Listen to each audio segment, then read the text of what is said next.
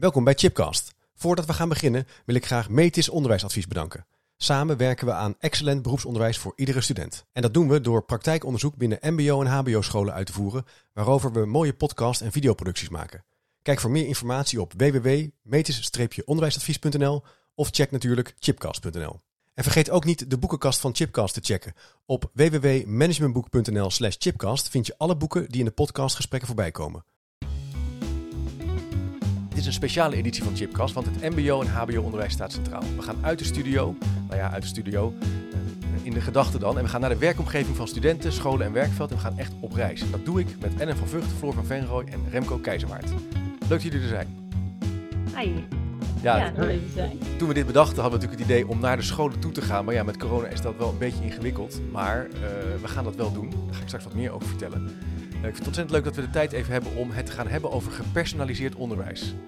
Want dat is het gespreksthema van deze podcast. Wat is het nou eigenlijk en wat is het ook niet? En waar komt het vandaan?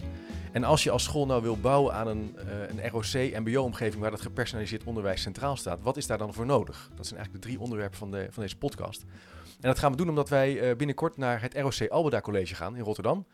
En dan gaan we praten met, eh, met docenten, met het werkveld en met studenten over deze beweging. En het leek ons dan ook wel relevant om even, als het ware, de theorie in te duiken. En met elkaar te verkennen wat dat nou eigenlijk is, gepersonaliseerd onderwijs. Want daar is wel wat begripsverwarring eh, over. Ehm, Remco, eh, ik vind het heel leuk dat jij er ook bij bent. Want jij, bent, eh, jij komt echt uit het onderwijs. Je hebt jarenlang ook bij Albeda onder andere eh, een leidinggevende functie gehad.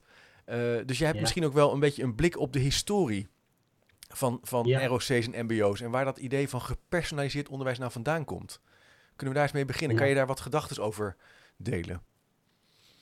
Eh, eh, zeker. Ehm, kijk, als je aan mij vraagt wat is precies de historie, Ja. dan moet ik ook eerlijk bekennen dat ik dat niet helemaal kan aanwijzen van, nou ja, daar en zo is dat gegaan of zo is dat gegaan. Maar ik kan wel, ik herken wel een ontwikkeling in eh, de scholen waar ik heb mogen werken.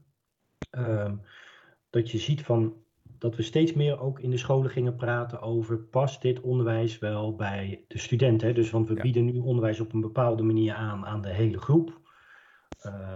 Op niveau 2, niveau 3, niveau 4, daar zullen we nog wel eens naar. En niveau 1, daar zullen we er echt wel wat verschillen in maken. Maar veelal is het natuurlijk toch gewoon een aanbod voor de groep. Ja. En nou, al een aantal jaren is al wel het gesprek gaande, ook in de scholen, van is dit nou ook voor iedere student de beste oplossing? Hè? Het klassikaal of in groepjes en vooral doen wat wij bedacht hebben dat ze moeten doen. Dus Ja. één ontwikkeling die je daarin wel ziet, is dat gesprek over kunnen we toch meer kijken naar maatwerk. Ja. Eh, daarnaast zie je ook wel dat je ehm, eh, vanuit het werkveld steeds harder het geluid kwam van ja, het onderwijs sluit niet aan bij wat wij nodig hebben. En ehm, ook wel duidelijker dat soms ook bedrijven ook voor zichzelf echt een positie claimen. Voor ons, wij willen het onderwijsprogramma voor ons bedrijf, dat wat meer. Dus ook weer die roep naar Ja. eh, maatwerk, passend. Dat zijn twee trends die ik wel de laatste tien jaar steeds sterker heb zien worden in het onderwijs. Maar echt een moment waarop je kan wijzen, daar begonnen, dat weet ik niet. En vanuit de, nou ja, de voorbereiding die we hier ook op hebben gedaan eh, in de stukken, zie je ook dat het uiteindelijk echt het model van gepersonaliseerd leren waarschijnlijk meer getest is. Sowieso in, vanuit het buitenland komt overgewaaid, maar ook ehm, getest is in het basisonderwijs of in het meer voortgezet, hè, dus de middelbare eh, of, of het voortgezet onderwijs. Oh ja, dus het komt eigenlijk uit het buitenland, als, even als concept. Daar, hebben we het, eh, daar zie je duidelijk naar voren komen. Het is getest in het Ja. VO. Basisonderwijs, daar wordt Ja. er ook veel over gesproken, ook als het gaat over onderwijsvernieuwing natuurlijk. En wat je zegt, Ja. het is niet heel duidelijk een, een, een moment te markeren, maar het is misschien wel te verbinden aan de langzame beweging naar van kennis naar competentiegericht onderwijs, hè, naar Ja. gedrag en handelen, naar weten Ja. en kunnen en laten zien. En, en, en de reflectie van het moet passen bij het werkveld, het moet passen bij de student, bij de leerling. We moeten dus Ja. het onderwijs zo gaan aanpassen dat leerlingen meer. Het gaat ook wel over motivatie en over interesse in leren. Of- ja. En, en dat zijn dan wel in mijn beleving vaak wel weer grote containers die door elkaar gehaald worden. Omdat Ja. we dan ergens horen dat als het studenten meer intrinsiek gemotiveerd zijn, dat ze dan ook beter gaan presteren. Ja.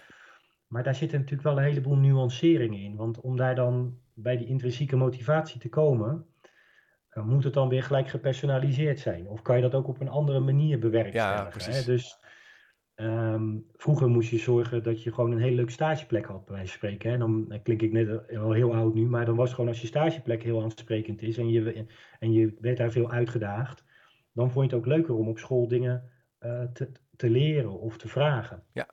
Dus dat is een tussenstap in plaats van dat we gelijk moeten zeggen: nee, jij gaat zelf de regie voeren over jouw leerlijn en, en dat wordt veel persoonlijk voor jou, ja, ja, wat bij jouw ontwikkeling past. Ik herinner me dat nog Dus- wel. Ik heb HAO gedaan nog, toen het HAO heette. En dan gingen we ook stage lopen in het derde jaar. En dan was altijd met studenten de vraag van, heb je een goede plek? Als je een goede plek Ja. had, in de zin van een leuke Precies. plek waar je veel kon leren, goede collega's, dan was je helemaal blij. Maar je had ook wel collega's of collega-studenten die zeiden, ja, bij mij is het helemaal niks. En ja, ik zit mijn tijd uit. Dus dat, dat, Ja. dus dat heeft ook met motivatie te maken en regulatie. en- Ja, En dat waren waarschijnlijk ook de studenten die ook in de klas wat minder, die, ja, die kwamen wij van spreken al zuchtend een beetje binnen, Ja, omdat ze weer een week stage overleefd hadden. ja, ja. Ehm, dus ja, dat, daar zit ook, er is dus meer om die motivatie en die prestatie te verbeteren dan alleen maar van het moet helemaal op maat zijn. Het heeft ook met context te maken waarin je bent en eh, hoe je uitgedaagd wordt daarin.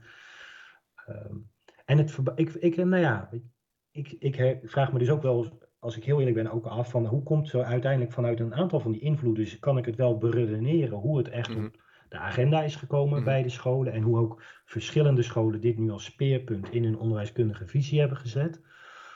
Maar toch vraag ik het me af, hoe, hoe dat dan vanuit hè, die trends, vanuit via zo'n bestuurlijke en directietafel, daadwerkelijk als leidend principe in een school komt. ja het moet natuurlijk in die haarvaten. heel veel. Ja, het vraagt heel veel. En we gaan er straks ook ja, in, in Rotterdam, maar ook bij het Aventus eh, ROC kijken hoe dat dan eigenlijk gaat. Hè? Want het is van groot naar klein. En dat is natuurlijk wel het spannende. Ehm, en, en Ellen en Floor, we hebben in de afgelopen weken ook naar die theorie gekeken. En al die artikelen over gepersonaliseerd onderwijs proberen te begrijpen. We zullen ook op de website van oabdekkers.nl en Chipcast daar een samenvatting op plaatsen te zijn de tijd. Ehm, ja, er zijn ook ontzettend veel woorden. Hè? Laat ik even beginnen met bijvoorbeeld gedifferentieerd leren. Oh, en gepersonaliseerd leren. Dan dacht ik, oh, is dat nou wat? Dat zijn verschillende dingen, hè? Ja, wat, hoe kijk jij, ja, heb jij daar, hoe, toen jij dat begon te Ja. lezen, raakte jij meer in verwarring of zijn ook wel wat dingen helderder geworden? Nou, ik vond het, dat verschil vond ik best helder geworden. Want ehm, bij gedifferentieerd leren zie ik vooral dat dat in de klas gebeurt. Dus bijvoorbeeld met eh, ja, een, een vak als rekenen. En je maakt vervolgens ehm, eh, ja, verschillende niveaugroepen binnen je klas. En die krijgen extra instructie en die wat minder. Ja. En die kunnen helemaal zelf aan de slag. En ehm, ik zie bij gepersonaliseerd leren, dat, dat heeft echt veel meer te maken met ehm, de hele organisatie van een school. Dat is volgens mij net een stapje verder. Het gaat echt over individuele leerroutes. En ehm, ja, ik denk dat daar wel een groot verschil is aan te brengen. Ja, dus, dus je zegt van eh, gepersonaliseerd leren als term is een perspectief wat gaat over de hele schoolorganisatie. Terwijl differentiëren gaat over een klas. Ja, ja, en ik denk ook dat de ene docent wel kan differentiëren en de andere docent niet. Mhm. Maar ik denk dat het moeilijker is ehm, als de ene docent gepersonaliseerd leren ehm, gebruikt, dat de andere dat dan niet doet. Ik denk dat dat Ja, precies. minder gemakkelijk is. Ja, ja, ja. Oké, ja. En eh, Floor, eh, gedifferentieerd leren, gepersonaliseerd leren, dat, dat helpt mij al wel even om wat woordverschillen en tautologiebegrippen uit elkaar te halen. Je hebt ook adaptief leren.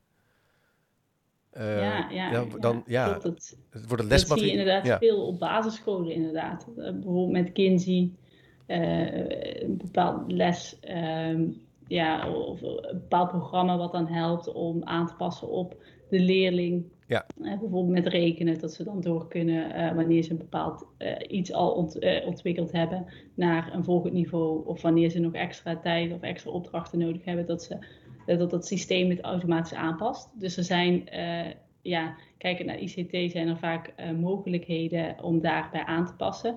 Het is natuurlijk niet hetzelfde als gepersonaliseerd leren. Nee, oké, maar dus eh, even dan even over dat adaptief leren toch nog even. Dat is dus echt een ICT eigenlijk component. Het gaat over dat je dus ICT mogelijkheden hebt, waardoor je beter gaat zien waar je als student, leerling eh, goed scoort, waar je wat extra instructie voor zou kunnen krijgen of extra les voor zou kunnen krijgen.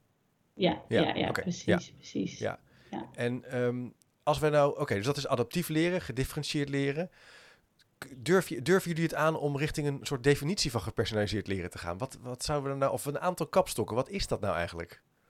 Nou ja, voordat we dat gaan doen, ik, ik vond wel ook iets grappigs in de, in de eh, dat was een artikel en dat ging dus over het woord gepersonaliseerd leren.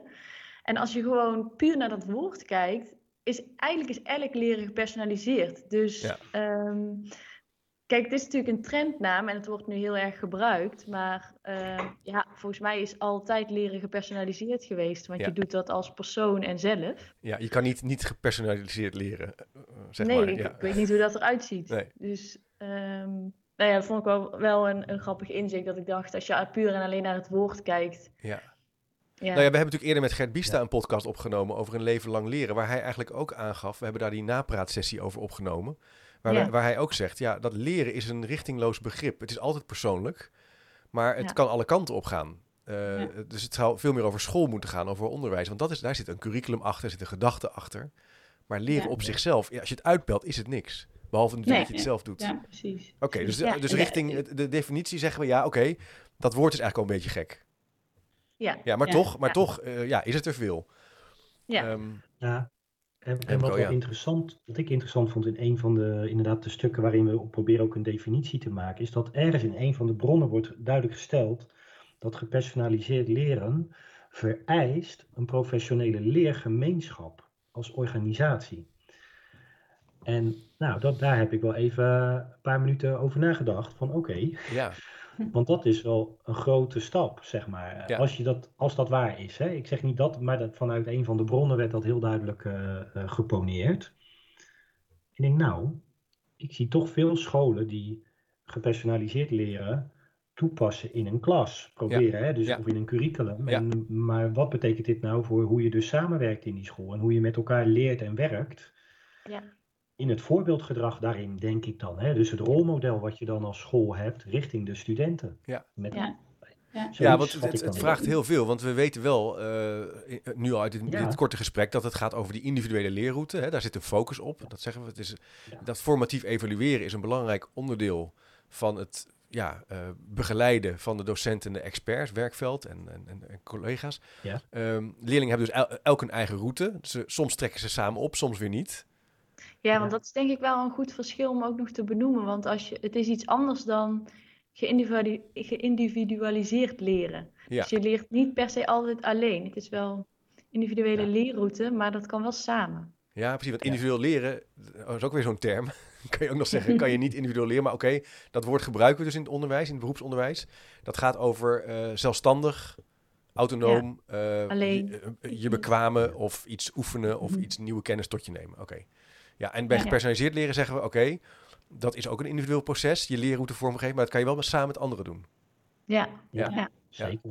Maar dan krijg, het is wel een, Ja. je, je merkt al wel, als je dit zo verkent, dat het een, een behoorlijke klus is voor een team of voor een docent. Eh, want ja. de ene is natuurlijk wat sneller dan de ander. Want Ja. dat mag ook, want daar willen we ruimte voor bieden. De- En dat moet je wel kalibreren met elkaar, zeg maar. Ja, en, en, en wat jij net al noemde, Chip, jij had het ook over formatieve evaluatie, die is daarin heel belangrijk. Dat je inderdaad als docent eh, monitort waar die student staat en hem Ja. begeleidt. En, Ja. en dat vraagt ook een andere rol van die docent. Ja. Ja. Ehm, dus dat sluit ook aan bij wat, eh, waar Remco ook al zijn vraagtekens bij stelde. Van, oh ja, eh, het moet wel gepaard, gepaard gaan ook met professionalisering. Je kunt het niet zomaar zeggen van, we gaan nu eh, gepersonaliseerd leren invoeren. Nee, Nee. want dat formatief want dat is evalueren is ook best wel ingewikkeld. Toch, Remco? Ja. Ja. Daar, daar wilde ik inderdaad ook nog even op aanvullen. Wat Floor, het is goed dat je die ook nog even aanhaalt. Van een belangrijk element in dat gepersonaliseerd leren is dat studenten natuurlijk op zeer regelmatige basis feedback krijgen waar ze staan. En veel docenten zijn dat nu gewend om dat te doen op basis van een route die zij hebben uitgestippeld. Maar je moet nu die, die formatieve evaluatie of die formatieve feedback gaan geven, soms ook op inbreng vanuit die studenten. Dus zij komen Hmm. dan soms misschien wel met iets onverwachts wat jij niet eerder gezien hebt, wat ze in een stage gedaan hebben, of wat ze in een bijbaan gedaan hebben, of wat ze in een andere les geleerd hebben, wat je moet, toch moet kunnen wegen Ja. en daar feedback op kunt geven. Dus dat is best wel complex, kan ik me voorstellen, eh, om daar voor de docenten zo eh, mee te werken. Ja, want dat vraagt dus, dat moet je sowieso natuurlijk wel kunnen als docent, maar je- nog meer inlevingsvermogen en kunnen oversteken naar die ander en daar kunnen zijn Ja. en dan je gaan benoemen, oké, wat zie ik eigenlijk gebeuren, waar gaat het goed, waar zou Ja. mogelijk wat bijsturing nodig zijn of een ervaring Ja. noodzakelijk zijn om, om het Ja. leerproces te versnellen of ja, ja, ja, ja. Ja. En dan met elkaar als team ook hetzelfde beeld gaan vormen van ja, wanneer beoordelen we iets als hè, dat dat in voldoende mate ontwikkeld is en wanneer is iets nog niet in voldoende mate ontwikkeld. Ja, dat zijn best wel ingewikkelde vraagstukken. Ja, ja.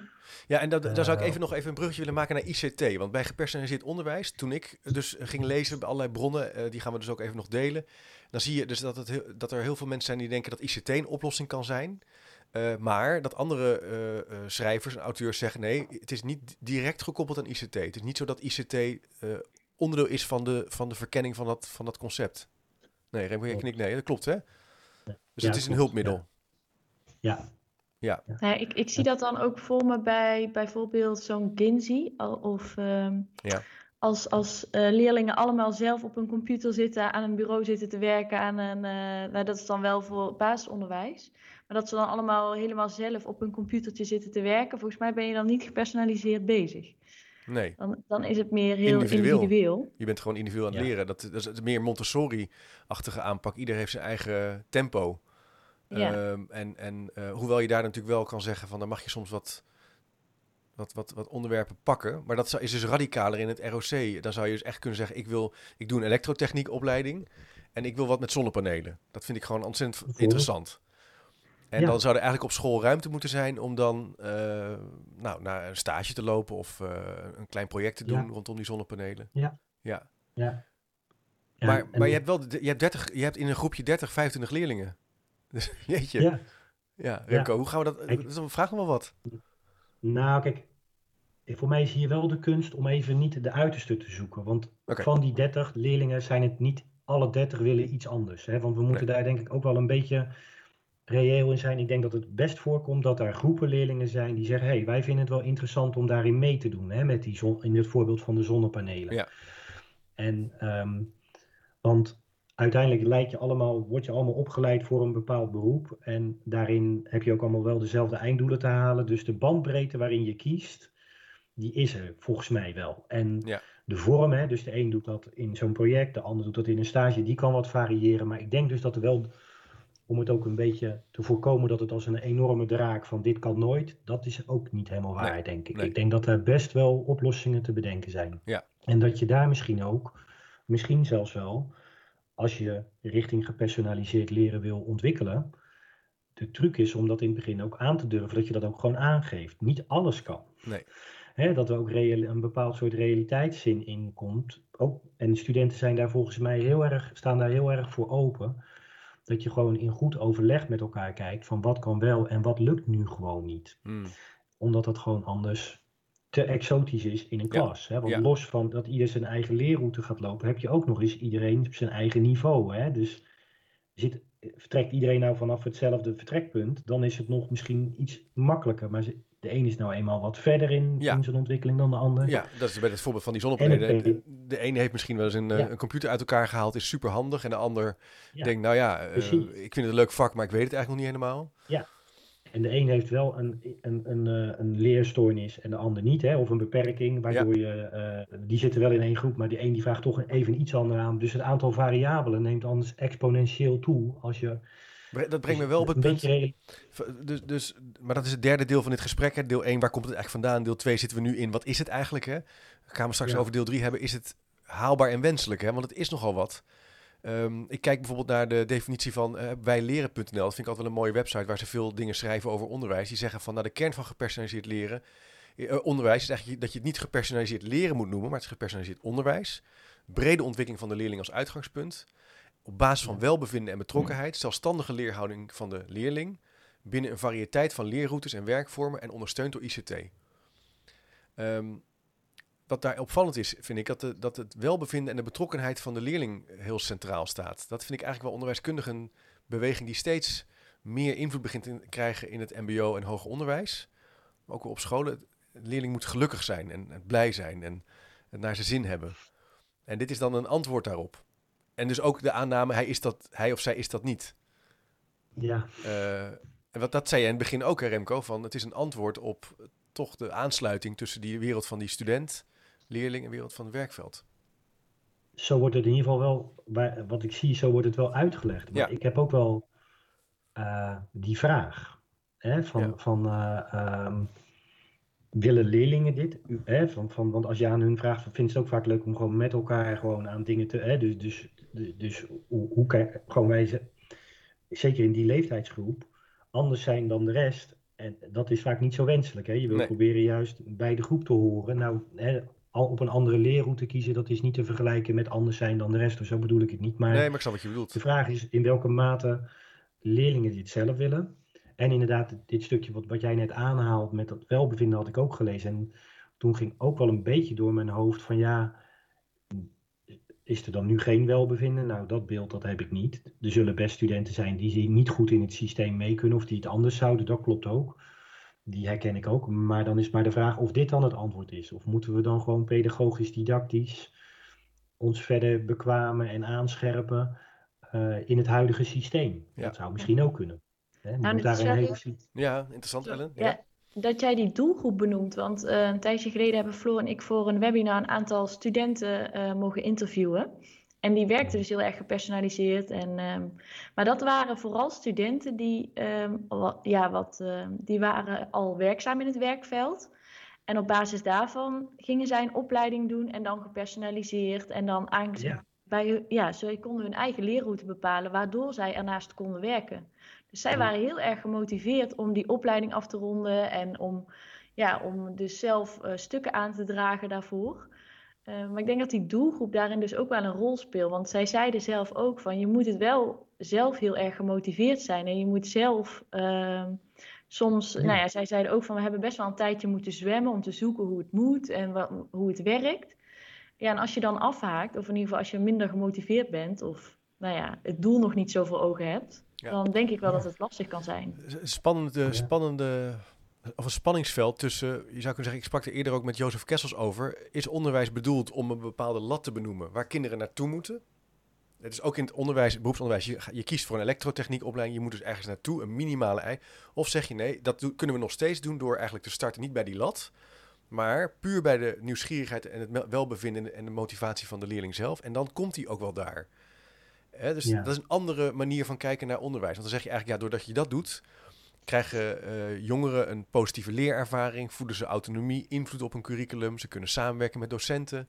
Uh, en dat, de aanname is dus dat dat leidt tot gelukkigere, welbe, meer welbevinden, meer betrokkenheid, scherpere mhm. leerroutes. En dat is interessant om te verkennen, ook straks als we natuurlijk naar Albeda gaan. Ja. Floor, uh, ja, want... even nog een, een, vraag. Wil ik eigenlijk naar het derde deel van de, van de podcast gaan?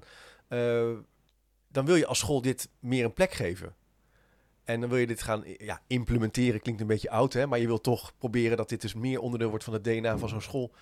Uh, dat is nogal wat, hè? Zo'n gepersonaliseerd onderwijs. Um, waar zou jij beginnen? Wat denk jij wat belangrijk is om, om ja, scherp te hebben? Lijkt me, het is inderdaad sowieso een, een hele verandering.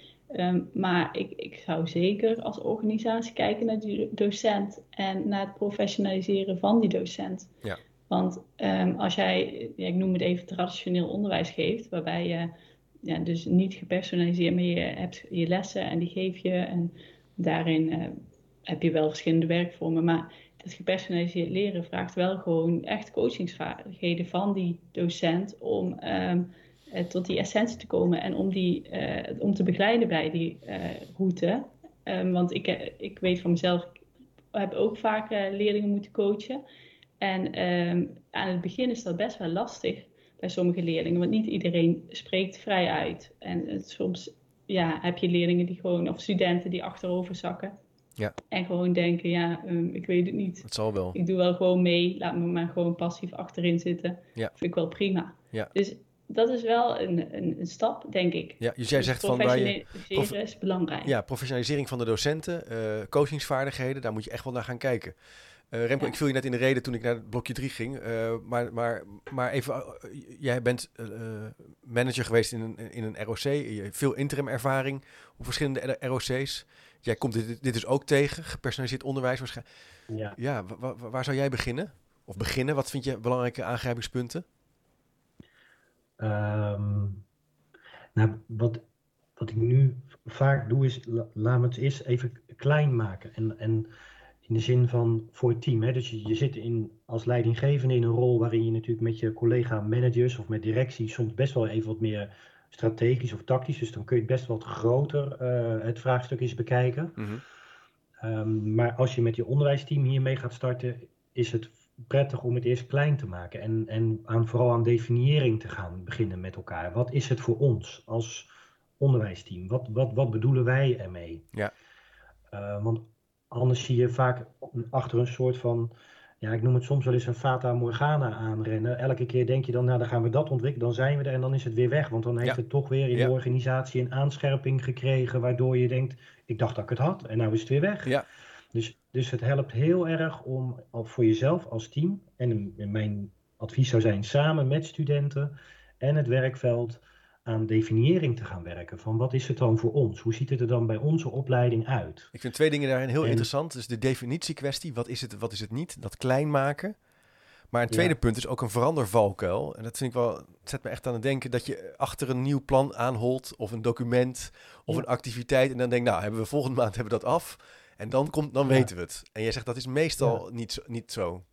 Nee. Nee, nee. En dus als je het nou vooral bij jezelf houdt, want je bent dan ook, als je het dan hebt over zo'n professionele leergemeenschap, als je dit met elkaar als team doet, dan, dan werk je daar eigenlijk al een beetje aan door met elkaar ook in gesprek te gaan over wat is het voor ons. Ja. ja. Daarmee doe je ook iets in de betrokkenheid in je team en, nou, en dat soort dingen. Ja. En, en van daaruit, als je het hebt, eerst eens toetsen, als dit het beeld is wat we hebben, is het realistisch? Is dit haalbaar en uitvoerbaar? Ja. Want de huidige bekostigingssystematiek in het onderwijs staan gewoon nog op massa. En uh, uh, dat is niet erg. Ik zeg niet dat het niet kan, maar het is wel prettig om aan de voorkant, als je een plannetje bedenkt, dus net als dat je je huis gaat verbouwen, is wel prettig als je een begrotingje hebt, dat je weet, het kan ook uit. Ja. In plaats van dat je de dakpannen erop hebt liggen en dan denk je, ja, nou is het geld op, maar de ramen zitten er nog ja, niet. Zo, zo moet, toevallig, we hebben net verbouwd en ons eerste plan was ongeveer vier keer zo duur als onze, vier keer zo ja. hoog als onze begroting. Dus, maar dit is dus ook zo dat bij gepersonaliseerd onderwijs, het heeft invloed op roostering, het heeft invloed op professionalisering, het heeft invloed op je inrichting van je gebouw, het heeft invloed op je bekostiging, op de samenwerking, het heeft invloed op groot versus klein, hè? directie naar teamleiders, naar, naar langzaam naar die praktijk. Dus op een, je hebt een aantal elementen en dan zeg jij, is een verschil tussen wenselijk, hè, een visie hebben, natuurlijk moet dat een, een, een, stip die je nooit bereikt, maar waar je zegt, daar gaan we voor, en haalbaar. Ja. ja. Want dan wat, wat je daarmee volgens mij bereikt, is dat je ook met je team op een gegeven moment en met je studenten, misschien het meest belangrijk, succeservaring kan boeken. Ja. Want wat, je, wat ik bij veel onderwijskundige veranderingen heb, grotere onderwijskundige veranderingen, hè, competentiegericht onderwijs, beroepsgericht onderwijs, probleemgestuurd onderwijs, bijna allemaal zijn daar bij al die grotere veranderingen, zijn veel docenten en studenten een beetje gedesillusioneerd geraakt. Ja. Omdat het toch niet helemaal geworden is Ja. van het vergezicht wat steeds werd neergezet. Ehm, dus klein maken en realistisch en haalbaar. Eigenlijk En zou je dan zeggen dat Ja. je, ik zit in één keer te denken, dat je dus ook gepersonaliseerd gaat veranderen. Dus dat je zegt, nou, Ja. maak het klein, kijk goed naar waar jij staat en probeer dat eigenlijk, Ja. te- probeer dat vorm te geven. Maar daar past niet een eenduidig uniform veranderaanpak bij, bij een stuurgroep die elke vier weken Nee, kijkt naar de projecten. niet. Nee, nee, nee, Nee, maar liever niet. liever niet. Ellen, eh, als jij het zo, eh, ons gesprek zo hoort, hè, we zijn een beetje het eind van, van bouwsteen 3 gekomen. Hè, dus hoe, hoe pak je dit nou aan? We hebben een aantal thema's verkend. Wat, wat zou jij nou willen weten? We gaan over een paar weken zijn wij te gast bij Albeda. Ehm, we gaan docenten ontmoeten. We gaan kijken naar een aantal werkomgevingen waar eh, studenten werkend leren. Waar ben je nieuwsgierig nou ja, naar? ik- Nou, zeker als ik zo hoor van wat Floor zei met dat, eh, ook dat professionaliseren van die docenten. Ja. Ik denk eigenlijk ook dat, dat ik ben ook wel benieuwd naar hoe doen ze dat nou studenten eh, professionaliseren in die zin van hoe bereiden zij hun studenten voor op, op dat soort onderwijs? Want ik denk niet dat je als ik denk nadat dat hele proces wat Remco heeft verteld, als, als je daar in, in, ja, een soort van conclusie uit hebt getrokken of je bent daar doorheen gelopen, Ja. dan, kun je, dan moet je niet verwachten dat jouw studenten datzelfde proces hebben doorgemaakt en die, die weten van niets. Die, daar moet je denk ik ook nog een heel proces aan wijden. En hoe ga je dat dan vervolgens overbrengen op je studenten? Hoe ga je ze dat aanleren als het ware? Ja, interessant. Dus we moeten ook kijken naar de, of we willen ook graag kijken naar hoe die studenten dit beleven en hoe die leren en zich ontwikkelen. Ja. Ja, Leuk, wat dat betreft hebben we eh, een mooi vooruitzicht hè, om daar binnenkort naartoe te gaan. En eh, we gaan niet alleen naar het Albeda, we gaan ook naar het Da Vinci College, het Aventus. En als er nu ROC's zijn die luisteren en denken, hé, hey, wij hebben ook een vraag. Ja, wij zijn op zoek naar excellent onderwijs, hè, wat er goed gaat en de interessante vragen die- waar we ja, kennis over kunnen ontwikkelen, om dat te delen in deze podcastserie. Dus dan kan je je aanmelden. Uh, stuur een berichtje even via chipcast.nl slash vraag. Of ga naar obdekkers.nl. Dan kan je altijd wel uh, een berichtje achterlaten. Op LinkedIn, op Twitter zijn we ook te vinden. Uh, Remco, Ellen en Floor, bedankt voor jullie tijd. Leuk om even zo op afstand met elkaar in gesprek te zijn. Um, als je nu denkt, ik wil meer weten of ik ben benieuwd naar die aantekeningen, kijk dan even naar de website obdekkers.nl of ga naar Chipcast. Daar vind je eigenlijk in de notitie van deze podcast dat document waar we een aantal van onze theoretische verkenningen hebben samengebracht. Ik zou zeggen bedankt voor het luisteren en tot de volgende keer maar weer.